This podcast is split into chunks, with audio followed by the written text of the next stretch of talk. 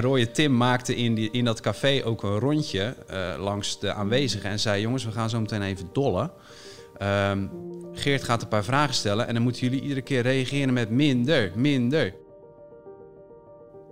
Dik zes jaar geleden gebeurde dit na de gemeenteraadsverkiezingen in een café in Den Haag. Willen jullie in deze stad en in Nederland meer of minder Marokkanen? Nou,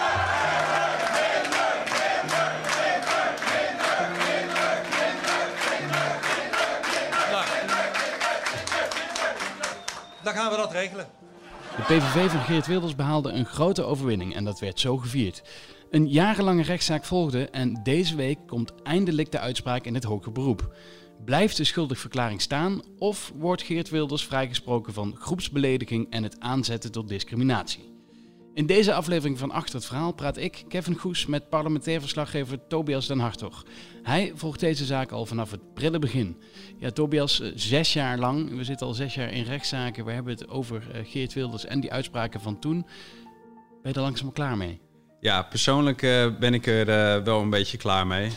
Maar goed, dat heeft er ook mee te maken dat dit soort zaken worden normaal gesproken wel in een paar dagen natuurlijk afgedaan. Maar ja, dit vergt gaandeweg zoveel meer extra onderzoek. Ook omdat Wilders daarom vroeg. En er zijn wrakingen geweest. hij heeft een aantal keren best wel een lange politieke speech daar in de rechtbank gehouden. Hè. Daar kreeg hij ook de ruimte voor. Ja, dus daarmee werd het een ontzettend lang en, en slepend proces. dus als je me vraagt, ja, dat waren lange dagen, zullen we zeggen. Het waren ook interessante dagen journalistiek gezien. Dus in die zin ben je er nooit klaar mee natuurlijk. Ehm, maar het pakte iedere keer, iedere keer wel zo uit dat het proces ja, zich langer voortsleepte. En ehm, ja, in die zin uh, is misschien niet eens zozeer de vraag of wij journalisten er klaar mee zijn, als wel het Openbaar Ministerie en, uh, en de rechterlijke macht. Want die hebben denk ik een proces gekregen wat ze uh, niet hadden voorzien en misschien ook wel niet hadden gewild. Ja, we gaan even terug naar die, naar die avond. Hè. We hebben het na de gemeenteraadsverkiezingen van 2014 en, en Geert Wilders en zijn PVV die sleepten een, een flinke overwinning in de macht ja, naar binnen. Ja, ja, zeker. Nee, het was, het was best wel een een uh, belangrijk moment voor, voor Wilders, omdat hij uh, toch buiten Den Haag ook voet aan de grond wil krijgen. Hè. Dat wilde hij al jaren in gemeenten. Ehm, Rotterdam was altijd een beetje zijn, zijn droom om daar groot te worden in navolging van Pim Fortuyn. Dat is overigens niet gelukt. Ook, uh, ook bij de laatste verkiezingen hebben ze daar uh, uh, maar één zetel, meen ik, gehaald. En in ieder geval niet het resultaat waarop ze gehoopt hadden. Maar dit was voor hen toen een, een hele belangrijke avond, ja. ja. want in heel veel steden kregen ze heel wat zetels. Ze zijn ook zelfs in een paar gemeentes mee gaan, gaan regeren, in, in de coalitie gegaan. Um, op dat moment komt hij met wat later de minder Marokkanen uitspraak geworden is. Um, een beetje in zijn hoofd kijken hoor, maar was dat geanticipeerd? Ja, dit was totaal geregisseerd. Echt totaal geregisseerd. Die avond uh, uh, er ging een uitspraak uh, van minder Marokkanen tegenover de NOS. op de, de, camera's van de NOS. Die hadden hem ge, geïnterviewd op de markt in Den Haag. en daar heeft hij, heeft hij dit eigenlijk al gezegd. Dat is later ook wel in het, in het proces betrokken. Maar daar sloeg eigenlijk niemand echt op aan. hij zei dat en toen twijfelde. Hè. Dat blijkt uit documenten later, getuigenverhoren.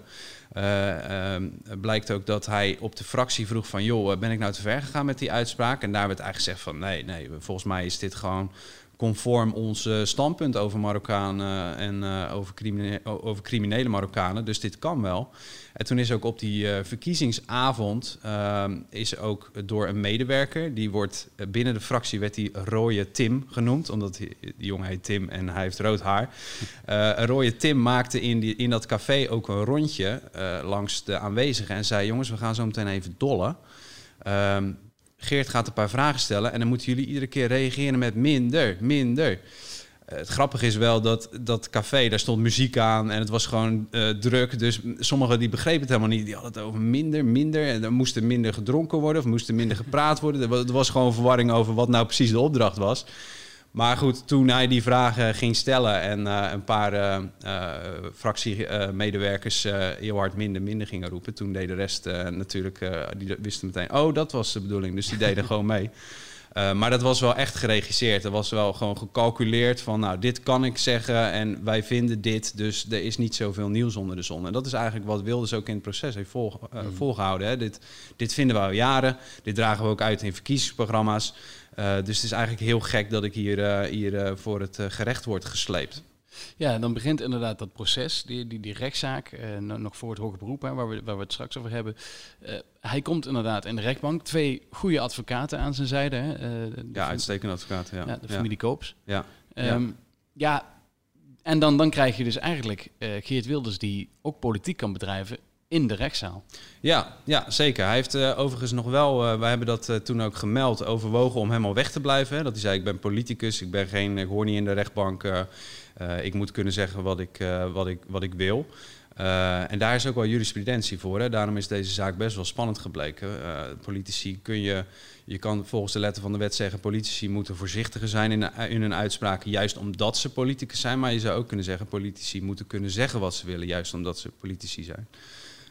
Dus dat is wel een punt gebleven. Hij heeft dus overwogen om weg te blijven, maar kwam daar uiteindelijk alsnog. En ja, hij heeft zich in het hele proces, heeft hij eigenlijk twee sporen ehm, is die, is die afgegaan. Het ene is, ik ben politicus, dus ik heb recht om heel wat meer te zeggen dan de gemiddelde Nederlander. Dit was ook nog eens op een verkiezingsavond, waarbij je ook nog eens hè, wat korter door de bocht kan, dingen misschien wat meer aanzetten. Dus dat is een belangrijk punt van hem geweest in het proces. En het andere, um, het andere spoor wat hij uh, uh, heeft gekozen is dat hij heeft gezegd: ja, er is van meet af aan politieke bemoeienis met mijn zaak geweest. De concurrerende ministers wilden mij vervolgd hebben en dit was een manier. Ja, dat ging over Ivo Opstelten in die tijd. Ja, Ivo Opstelten was toen, uh, toen minister van, van Justitie. En nou, er kwam natuurlijk na aanleiding van die uitspraken kwam er een heel aangifte ja, circus noemde Wilders dat op gang. Waarbij er een soort van voorgedrukte aangifte klaar lagen op het uh, politiebureau. En kijk, de politie en opstelt hebben steeds gezegd: ja, jongens, als we dat niet hadden gedaan, dan was het een jamboel geweest. Dan hadden we nu nog rijen voor die bureaus gehad. En Wilders heeft gezegd: ja, jullie hebben eigenlijk een hetze tegen mij gefaciliteerd, opgezet, misschien zelfs wel. Uh, en dat standpunt, uh, dat is die blijven aanhangen. Ja. Hoe ver ben je het daarmee eens?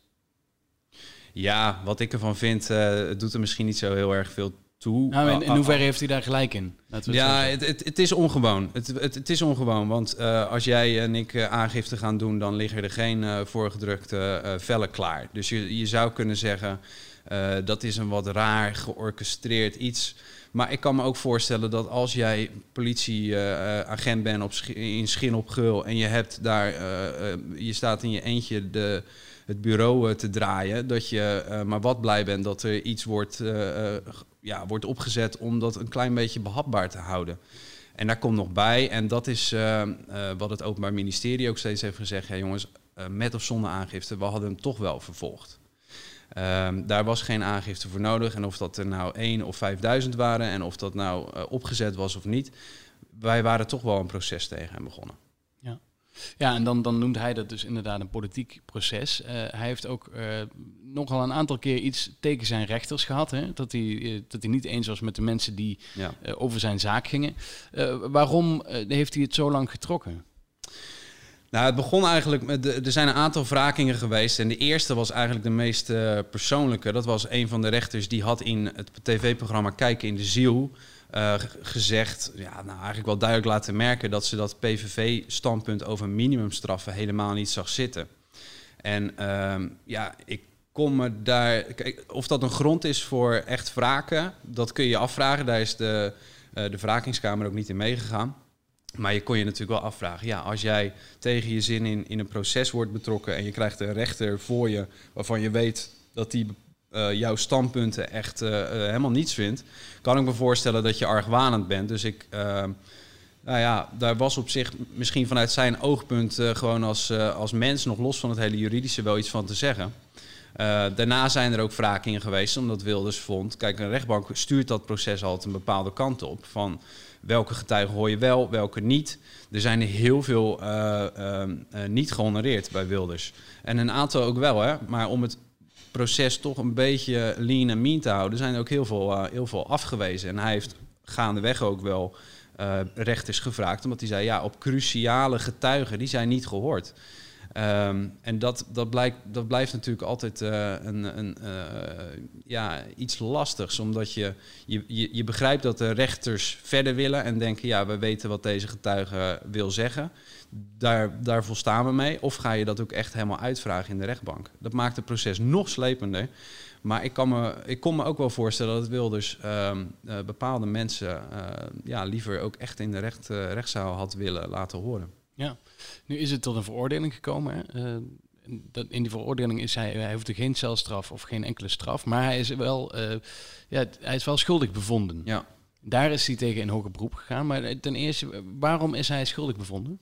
Ja, het is dus groepsbeledigen en aanzetten tot discriminatie. En voor dat groepsbeledigen, daarvoor uh, geldt eigenlijk dat de uh, rechters hebben gezegd dat een politicus een, uh, de staat hè, of een groot deel van de bevolking ook mag kwetsen of zelfs chockeren of verontrusten. Maar dat er ook bescherming moet zijn van de rechten en vrijheden van anderen. Um, dat andere deel is het aanzetten tot discriminatie. En dat was interessant, want het ging over het begrip ras. Wilde zij, ja, ik kan niet hebben gediscrimineerd, want een Marokkaan, dat is geen ras. Dat is een nationaliteit. Maar de, recht, de rechtbank die stelde uh, dat, die, dat hij daarmee de term ras te beperkt uitlegt. Zij zeiden eigenlijk nationale of uh, etnische afstamming vallen wel degelijk onder de uh, verdragen die moeten beschermen tegen discriminatie. Ja. En toen kwam er dus geen strafoplegging, maar een schuldverklaring. Ja, ja. Dat, dat betekent dus dat je uh, geen, ja, geen straf krijgt, maar je bent. Wat betekent zo'n schuldigverklaring? Hè? Ja, het, gebeur, het gebeurt wel eens vaker, maar dan, dan ook in kleine zaken, waarbij een veroordeling soms uh, ertoe leidt dat iemand zijn baan verliest of zo. En dan zegt de rechter: ja, eigenlijk ben je met die veroordeling op zich al uh, zwaar genoeg gestraft. Het, het kenmerkt ook wel weer dat dit een ongewone zaak is, want ehm, ja, de, het Openbaar Ministerie had een boete geëist, hebben ze nu weer gedaan. Uh, dat is eigenlijk ook een beetje symboliek, maar het tekent wel dat dit een rare zaak is waarbij een politicus in een rechtbank terecht is gekomen. Uh, of ja, een rare zaak, een ongewone zaak. Uh, het betekent eigenlijk dat de rechter zegt, ja, doordat we uw uh, label groepsbelediging en aanzetten tot discriminatie meegeven, dat is al een flink brandmerk. Daarmee vinden we eigenlijk dat u wel voldoende bent gestraft. En of er dan nog celstraf of boetes of zo, dat is eigenlijk dan uh, het staat op je strafblad. orde. Ja, dat komt dan ook op het strafblad, ja. ja. Ja, zeker. Overigens kun je daar ontzettend ver mee komen uh, nog. Want de enige andere politicus op dit moment waar ik weet van heb... die is, is ehm, veroordeeld voor een delict van discriminatie... is Mark Rutte, onze eigen premier. Die heeft namelijk als uh, staatssecretaris uh, van uh, Sociale Zaken op enig moment een, een brief gestuurd naar, naar gemeenten. Waarbij hij zei van jongens, let op Somaliërs, want die, die frauderen vaker dan normaal op de bijstand. En daar is later van gezegd, dit is al jaren geleden hoor, maar daar is later van gezegd, er is een rechtszaak gekomen. En, en toen is gezegd, ja, daarmee heeft uh, Rutte zich schuldig gemaakt aan discriminatie. Nou, dat is een beetje in de vergetelheid geraakt. Maar je kan dus nog premier worden. Maar je kan er premier mee worden, absoluut. Ja, okay. nou, deze week is dan het einde van het hoger beroep. Uh, eindelijk, hè, na zes jaar komt er een einde aan deze zaak. Uh, allebei zijn ze in hoger beroep gegaan, dus de hele zaak die komt voor bij de rechts, rechtbank, is ook wel helemaal voor geweest. Um, zijn daar nou nog nieuwe dingen uitgekomen voor jou? heeft dat nog een andere wending gegeven aan de zaak? Ja, dat is zeker wel het geval. Kijk, Wilders die heeft dus steeds gezegd dat uh, Opstelten en zijn ambtenaren zich met die zaak hebben bemoeid. Hij heeft daar lange procedures tegengevoerd om documenten geopenbaard te krijgen. Hij heeft gevraagd, joh, zijn er geen e-mails van? Is het over mij gegaan op het departement? Zijn er vergaderingen geweest? Zijn er misschien stukken uit de ministerraad waar dit is, is besproken? Hij heeft dat, uh, uh, uh, overigens heeft RTL Niels daar ook rechtszaken over gevoerd. Um, daar zijn ook inderdaad documenten over aan het licht gekomen. Die hebben een grote rol gespeeld in het hoge beroep. want er bleken inderdaad wel degelijk uh, e-mails uh, te zijn van uh, ambtenaren op het ministerie die nou ja, best wel vergaande suggesties deden aan het, aan het OM. Bijvoorbeeld van hoe, hoe gaan jullie het, de, de pleitnota opbouwen, hè? Het, het, slotverhaal tegenover de rechtbank? Of wanneer gaan we bekendmaken dat Wilders vervolgd gaat worden? En hoe gaan we dat bekendmaken? Doen we dat in een persbericht? Speelde in die tijd ook nog mee dat Samson en Pechtold ook uitlatingen hadden gedaan waarvan je uh, zou kunnen zeggen, nou dat is opmerkelijk. Samson had bijvoorbeeld gezegd dat uh, Marokkanen een soort uh, etnisch monopolie hadden op, op narigheid. Ehm, Pechtold had gezegd dat hij de eerste Rus die de waarheid sprak nog moest tegenkomen. Ja. Woorden van gelijke strekking. Dus eh Wilders zei van ja, gelijke monnik, gelijk kappen had hij dan ook vervolgd. Nou, er kwam, dus, er kwam dus een bak documenten waarin inderdaad e-mailtjes van ambtenaren naar het OM. Eh, en dat, dat wierp toch wel een beetje een, een eh, ander licht op de kwestie. Waarbij duidelijk werd dat er eh, politieke bemoeienis leek te zijn geweest. Daar moet overigens wel bij worden opgemerkt dat het besluit om Wilders te vervolgen zou daarvoor zijn genomen. Dus al die bemoeienis was allemaal. het OM zegt, nou, eigenlijk zegt het OM, joh, bedankt voor het meedenken, maar we, we, we've got this. We, we hebben de, Ja. de, het bes- het besluit al genomen en we komen er wel uit. Eh, maar Wilders eh denkt natuurlijk, ja, jongens, eh, dit is wat ik weet. Wat ik niet weet, misschien is er nog wel veel meer. Ja, nou ja, dat, dat, dat kan ervoor zorgen dat er dus een hele andere uitspraak komt deze week. Ja, de, de, het gerechtshof heeft tot dusver wel een aantal verzoeken tot nader onderzoek. En het opnemen van die e-mails in het dossier hebben ze wel gehonoreerd. Ehm, maar ze hebben zich uitermate op de vlakte gehouden over hoe ze dat nou precies wegen. Hè? Eh, kun je daarmee zeggen dat er een oneerlijk proces is gevoerd? Of nou ja, is er, is er geprobeerd een oneerlijk proces te voeren? Ehm, het Hof heeft zich daar eigenlijk niet over, eh, over uitgelaten. Die heeft eh, steeds gezegd, nou, we bekijken die e-mails, we lezen mee. Ehm, ze hebben zelfs nog even gewacht tot er weer wat nieuwe documenten vrijkwamen, want dat moest via een andere procedure. Eh, dus ze, hebben, ze zijn Wilders daar aardig in tegemoet gekomen. Maar of ze ook echt zijn eh, stelling dat het een politiek, politieke vervolging is geweest, of ze dat ook echt ja, onderschrijven, dat zal pas bij, eh, bij de uitspraak blijken. Dus het wordt nog spannend. Dat wordt nog spannend, zeker. Ja. Nou, nog even, eh, we zijn bijna klaar hierover, maar eh, er zijn een aantal uitspraken gedaan door Wilders eh, gedurende dit proces. Eh, een neprechtbank, D66-rechters, eh, dat zijn allemaal dingen die we nu allemaal kennen. Heeft dit proces de rechtspraak ook een beetje geschaad? Ja, ik- ik, denk dat je. Kijk, het OM zal het ontkennen. Als, ze, als je ze vraagt. joh, hadden jullie dit achteraf gezien? Hadden jullie dit nou gewild? Ze zullen ontkennen dat ze. ze zullen zeggen: ja, dit is een, een zaak die we moeten, moeten voeren. En ehm, we hebben niet voor niks ook een eh, strafoplegging gevraagd. We achten hem schuldig. Dus ze zullen dat allemaal keurig beantwoorden. Maar ik denk dat als je ja, wel beschouwd, heeft het, het OM eh, niet, ja, de meeste tijd niet in een heel goed daglicht eh, eh, gezet. Omdat er, ja, waar, waar ook is dus vuur en het, het, het, het leek af en toe allemaal niet heel fraai, stond er allemaal niet heel fraai op. Kijk, en de rechters hebben geen keus. Als het OM die zaak voorbrengt, dan kunnen ze de zaak weliswaar afkappen. Dat hebben ze niet gedaan, maar eigenlijk moet je die rit gewoon uitzitten. En ehm, ook bij de rechtspraak, ja, denk ik niet dat ze, dat ze hier onverdeeld blij mee zijn geweest. Nee. Ja.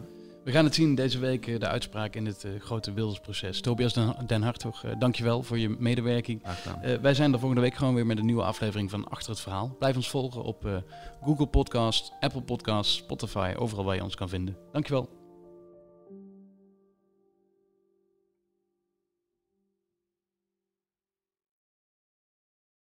Heb je genoten van deze podcast? Luister dan ook eens naar de podcast Le Cycliste. Daarin ga ik, Jerry Huinder, op bezoek bij Kees Graafland in Zuid-Frankrijk. Hij woont aan de voet van de Mont Aigual in de Cevennes. Je weet wel, die berg waar Tim Krabbe zo lyrisch over was in zijn bekroonde boek De Renner. En waar de zesde etappe van de Tour de France dit jaar eindigt. Samen met Kees ga ik op zoek naar de verhalen achter de Mont Aigual. Een podcast over extreem weer, vuur, eten, oorlog en een moord. Nu te vinden op ad.nl, Spotify en iTunes.